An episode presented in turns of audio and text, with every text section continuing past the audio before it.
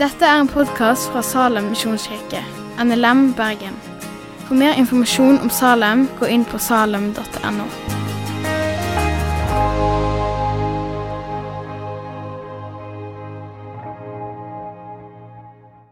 Takk for det.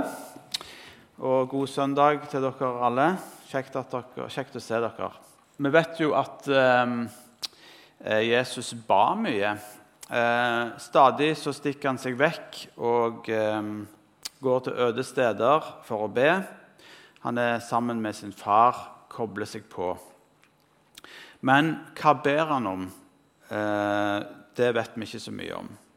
Men i Johannesevangeliet så er det en eh, bønn som blir kalt for Jesu øverste prestlige bønn.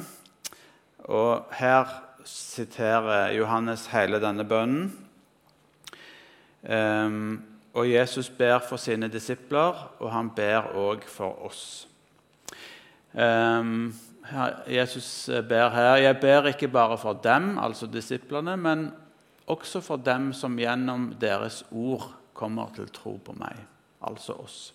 Og når Jesus ber, eh, hva ber han da om? Jo, han ber om enhet. At vi som er kristne, ikke skal holde på å fighte og krangle og slåss innbyrdes. For den kjærligheten og enheten som eh, vi kan vise hverandre i ord og handling, eh, den skal eh, være med og føre mennesker til tro.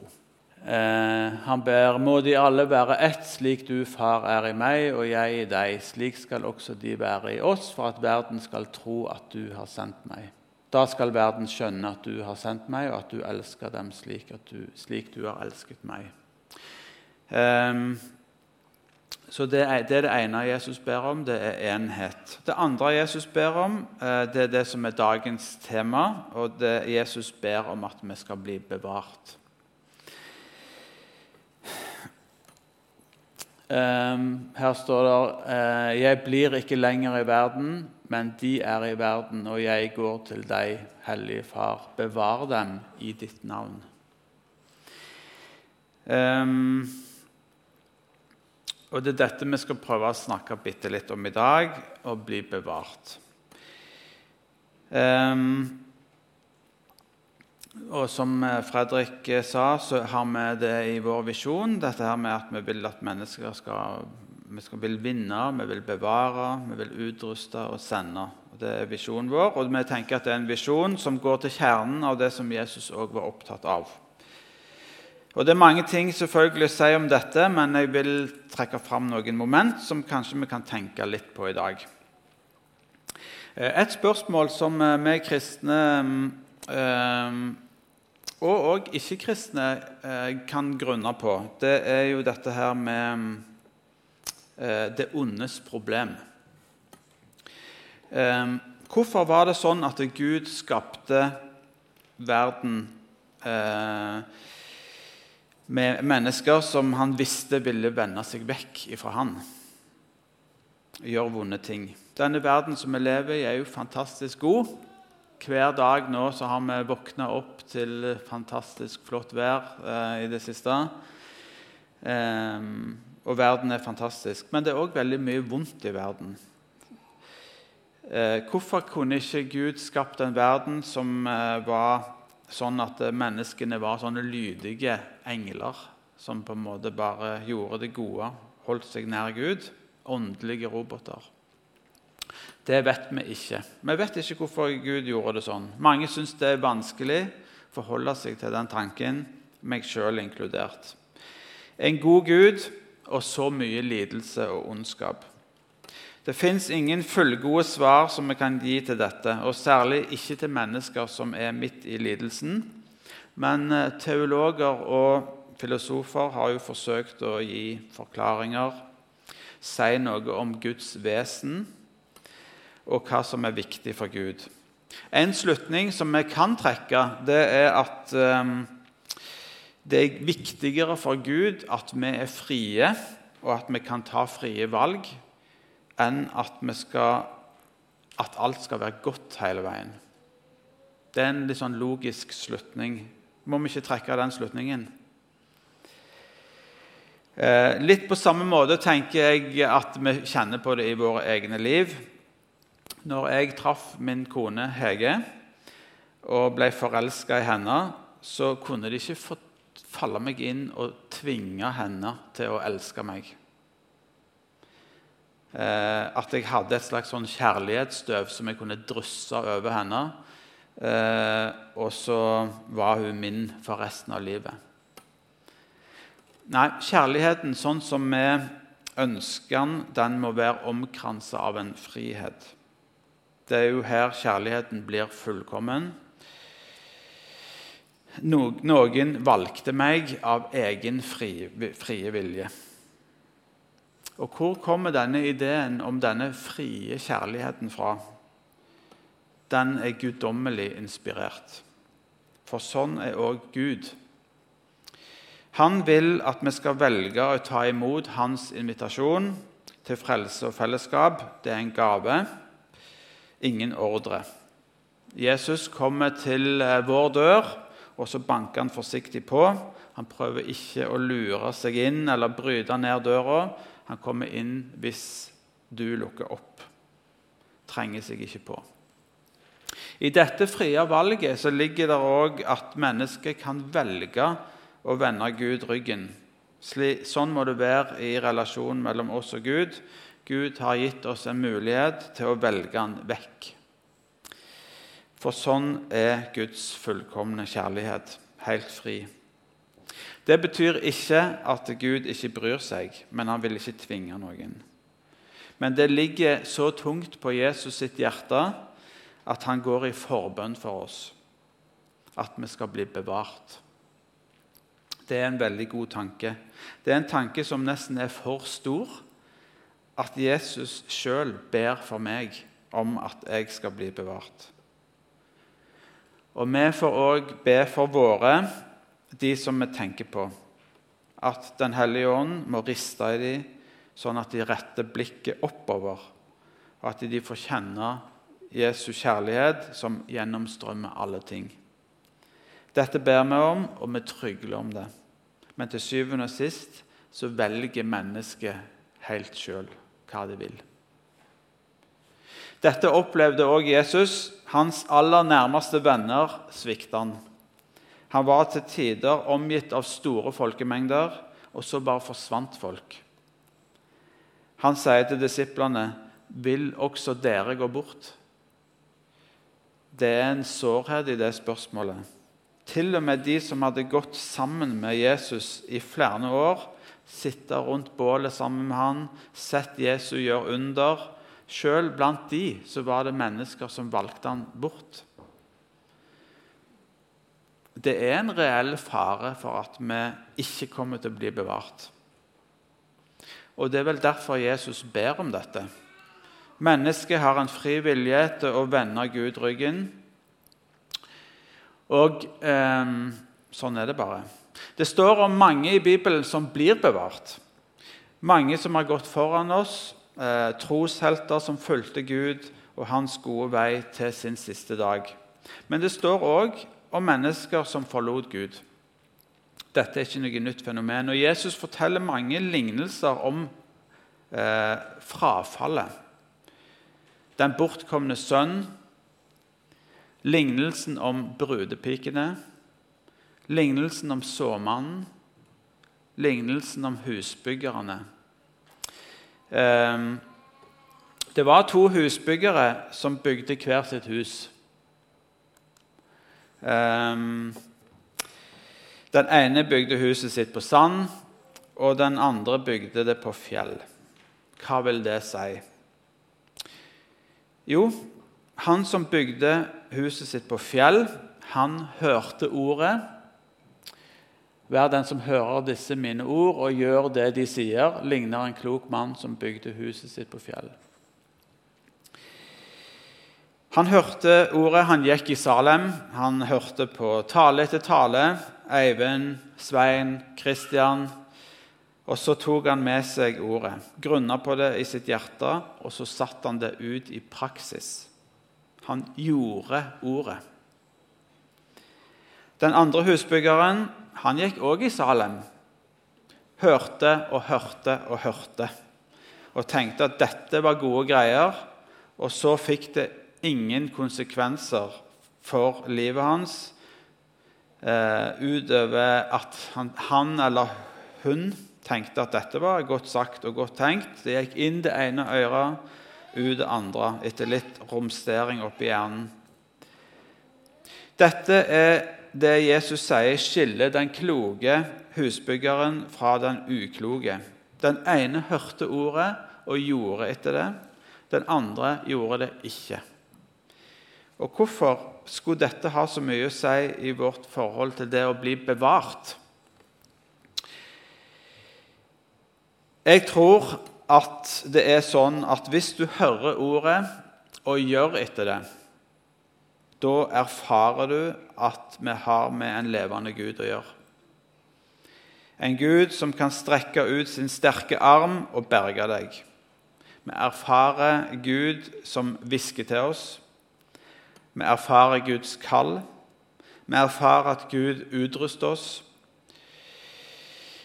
Eh, vi erfarer at, eh, at vi kan lytte etter Guds stemme. Vi lærer oss å gå på Guds stier. Vi lærer oss å vente på Gud. Vi lærer oss at Guds veier er uransakelige. Vi lærer oss at Gud er til stede for oss i stormen. For stormen den eh, kommer til oss alle. Den kom til både den kloke og den, til den ukloke bygningsmannen. Det kom en storm, og den kan feie med seg hele troa hvis den er bygd på sand. Det må vel være det Jesus mener her. Hvis det er bare ord, ord, ord og ingen erfaring av en levende Gud, da blir troen bare meninger. Noe som de gamle trodde på. En 2000 år gammel bok som ikke resonnerer med noe som jeg kjenner inni brystet mitt. Det blir for fjernt. Så hvis vi skal bli kloke husbyggere, hvis vi skal bli bevart som Guds barn, så må vi både individuelt og som fellesskap ikke bare høre ordet, men vi må gjøre ordet. Kanskje mange forlot det kristne fellesskapet fordi det ble for livsfjernt. Det var for lite levende tro og for mye religionsfilosofi.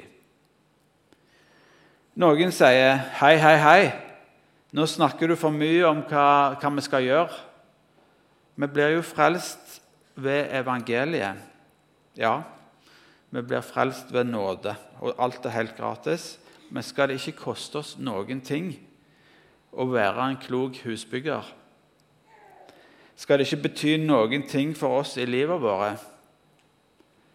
Det er en tanke som jeg tror er ganske fjern for Jesus. Det er noe radikalt i hans kall for livet vårt. Han kaller oss til å bli hans disipler. Han kaller oss til etterfølgelse. Han kaller oss til lydighet. Han kaller oss til å si nei til ting som ikke er gode for oss. Han kaller oss til gode åndelige vaner. Han kaller oss til et intimt fellesskap med Han. Han kaller oss til en konkret ledelse i hverdagen. Han kaller oss til å erfare at han er der sammen med oss i stormen. Når ting kollapser rundt oss, der er Gud. Det er lett å bare si det, men det kan erfares. I, sommer, I fjor sommer bygde jeg et drivhus i hagen vår. Eh, litt sånn selvgjort og velgjort. Eh, før jeg eh, gjorde det, så så jeg på enormt mange sånne filmer på YouTube av folk som òg hadde holdt på med det samme. Bygd drivhus, eh, dyrka tomater, agurk osv. osv. Eh, pottestørrelser, gjødsling, vanning, beskjæring osv. osv. Eh, dere vil ikke tro hvor mange sånne filmer som ligger på, på YouTube. Altså, det er tusenvis. Du blir aldri ferdig med å se på sånne filmer. Eh, jeg leste òg en del bøker om emnet. Jeg eh, prøvde liksom å lese meg litt opp. Og så begynte det gode livet i drivhuset. Eh, og det er en god del ting som vi kan lære om i teorien. Høre om hva andre har gjort, og sånne ting. men nå måtte jeg faktisk begynne å gjøre det sjøl. Erfare det. Gjør drivhus i praksis. Vi høster mange erfaringer av å gjøre ting. I pedagogikken pedagogikken heter, er det en eh, fyr som snakker om 'learning by doing'. Alle som har studert pedagogikk, husker det. At du lærer av å gjøre ting. Eh, I kristenlivet så er det òg en sånn åndelig komponent her. For når vi går på Guds løfter, når vi følger Guds stemme og Guds kall, da blir vi utrusta til tjenesten. Gud utruster de han kaller. Men han utruster oss ikke hvis vi stadig vekk sier nei til Gud. Hvis han kaller, og du hele veien sier nei til Gud, så utruster han oss ikke. Hvorfor skulle han gjøre det når vi ikke er lydige? Gud utruster de han kaller, og han utruster de som går. Og da erfarer vi at Gud er med. Så en liten tanke eh, som vi kan grunne på i dag, hvis dere er interessert i sånne ting. Hvordan skal vi leve denne lignelsen ut i vårt liv? Hvordan ser dette ut i ditt liv og i mitt liv? Ikke bare å høre ordet, men å gjøre ordet. Hva vil det si i praksis for deg? Noen ord avslutningsvis uh, om menigheten her i Salem. Hvordan kan vi bli et fellesskap der mennesker blir bevart? Til dette spørsmålet fins det jo veldig mange svar, selvfølgelig. Kanskje så må vi bli flinkere til å fortelle hverandre om livet vårt med Gud. Hva vi erfarer. Være forbilder for hverandre. Jeg har hatt stor glede av å høre på denne her Salem-podden. Har, har, dere vært borti den? Det er ganske kjekt. Det er jo um, en måte å bli kjent med folk på et litt sånn dypere plan. Uh, hva er det mennesker, vanlige folk som går her, erfarer i sitt kristenliv? Det syns jeg har vært veldig givende og spennende. Noe som er litt vanskeligere å snakke om, det er jo det som handler om kultur. Vi har snakket litt om det i styret. Hva er liksom kulturen her i Salem? Det er kanskje litt vanskelig å, liksom, å være helt konkret om det. Um, jeg tror at de som går i Salem, er en ganske homogen gruppe. Um, vi tenker kanskje at vi er ganske forskjellige, og vi er jo på det på et sett og vis, på et plan, men um, men um, overordna sett så tror jeg at vi er en gruppe som har ganske god sånn, orden i sysakene. Um, jeg tror kanskje at det er en menighet der det er mange som betaler regningene sine i tide. Det er ikke så mange regninger som går over liksom, til inkasso. Eh, de fleste har en jobb eh, og gode utsikter. Hvis du har barn, så ja, er, de har gode planer, disse ungene. Eh, de fleste som går her, har ganske mange studiepoeng, har lang utdanning. Eh, og mange av oss som går her, begynte her som studenter, så det er kanskje ikke så unaturlig at det er sånn. Eh, jeg lurer litt av og til på hvordan det vil være for folk som kommer utenfra inn her, og som liksom eh, hvis, de, hvis, livet liksom ikke er helt A4, hvordan vil det føles for de å være her sammen med oss? Jeg vet ikke. Eh, kanskje det vil være vanskelig. Hvordan er liksom kulturen vår her hvis eh, du opplever um, en, uh, at livet ditt treffer en sånn liten fartsdump? Eller en litt stor fartsdump? hvis du mister jobben din, f.eks. Eller hvis du opplever fysisk eller psykisk sykdom. Hvis ekteskapet ditt skulle havarere um, Hvis kjæresten din blir litt for tidlig gravid Oppleves det da liksom greit å komme her i Salem? Er vi et sånn et fellesskap som eh, eh, som det føles godt å være i, selv om livet er litt tøft. Det er ikke så lett å vedta en kultur, men vi kan jo tenke litt på det. Ehm, for hvis folk skal bli bevart, så, vi, så må vi ha en kultur som ehm, er sånn at, er, at folk blir her selv om livet er vanskelig. Vi kan ikke støte vekk de folka som opplever eh, det vanskelige livet. Da. Det var bare en tanke jeg hadde. En siste ting. Eh, hva med de unge? Eh, hva med eh, barna våre? Det er jo ikke alle som har barn, men, men det er jo en del barn her i Salem som alle på en måte har et slags ansvar for på et eller annet vis. Det er litt skremmende tall i forskningen for hva som skjer med barn eh, som er vokst opp i en kristen kontekst, og som har vært en del av et menighetsliv, men som velger å forlate troen. Det har gjort en god del forskning på dette, særlig i USA. Alt er ikke sammenlignbart med vår situasjon i Norge, men eh, kanskje er ikke den norske kulturen så annerledes enn den amerikanske. Um, og så er det også gjort en del forskning på hva som kjennetegner barn og unge som blir i en kristen kontekst. De bevarer troen, og de bevarer liksom eh, menighetstilknytningen. Hva kjennetegner de? Um, her er det tre kjennetegn på de. Um, det som viser seg i forskningen, er at barn som bevarer sin tro har, altså Foreldre er det viktigste forbildet for barn.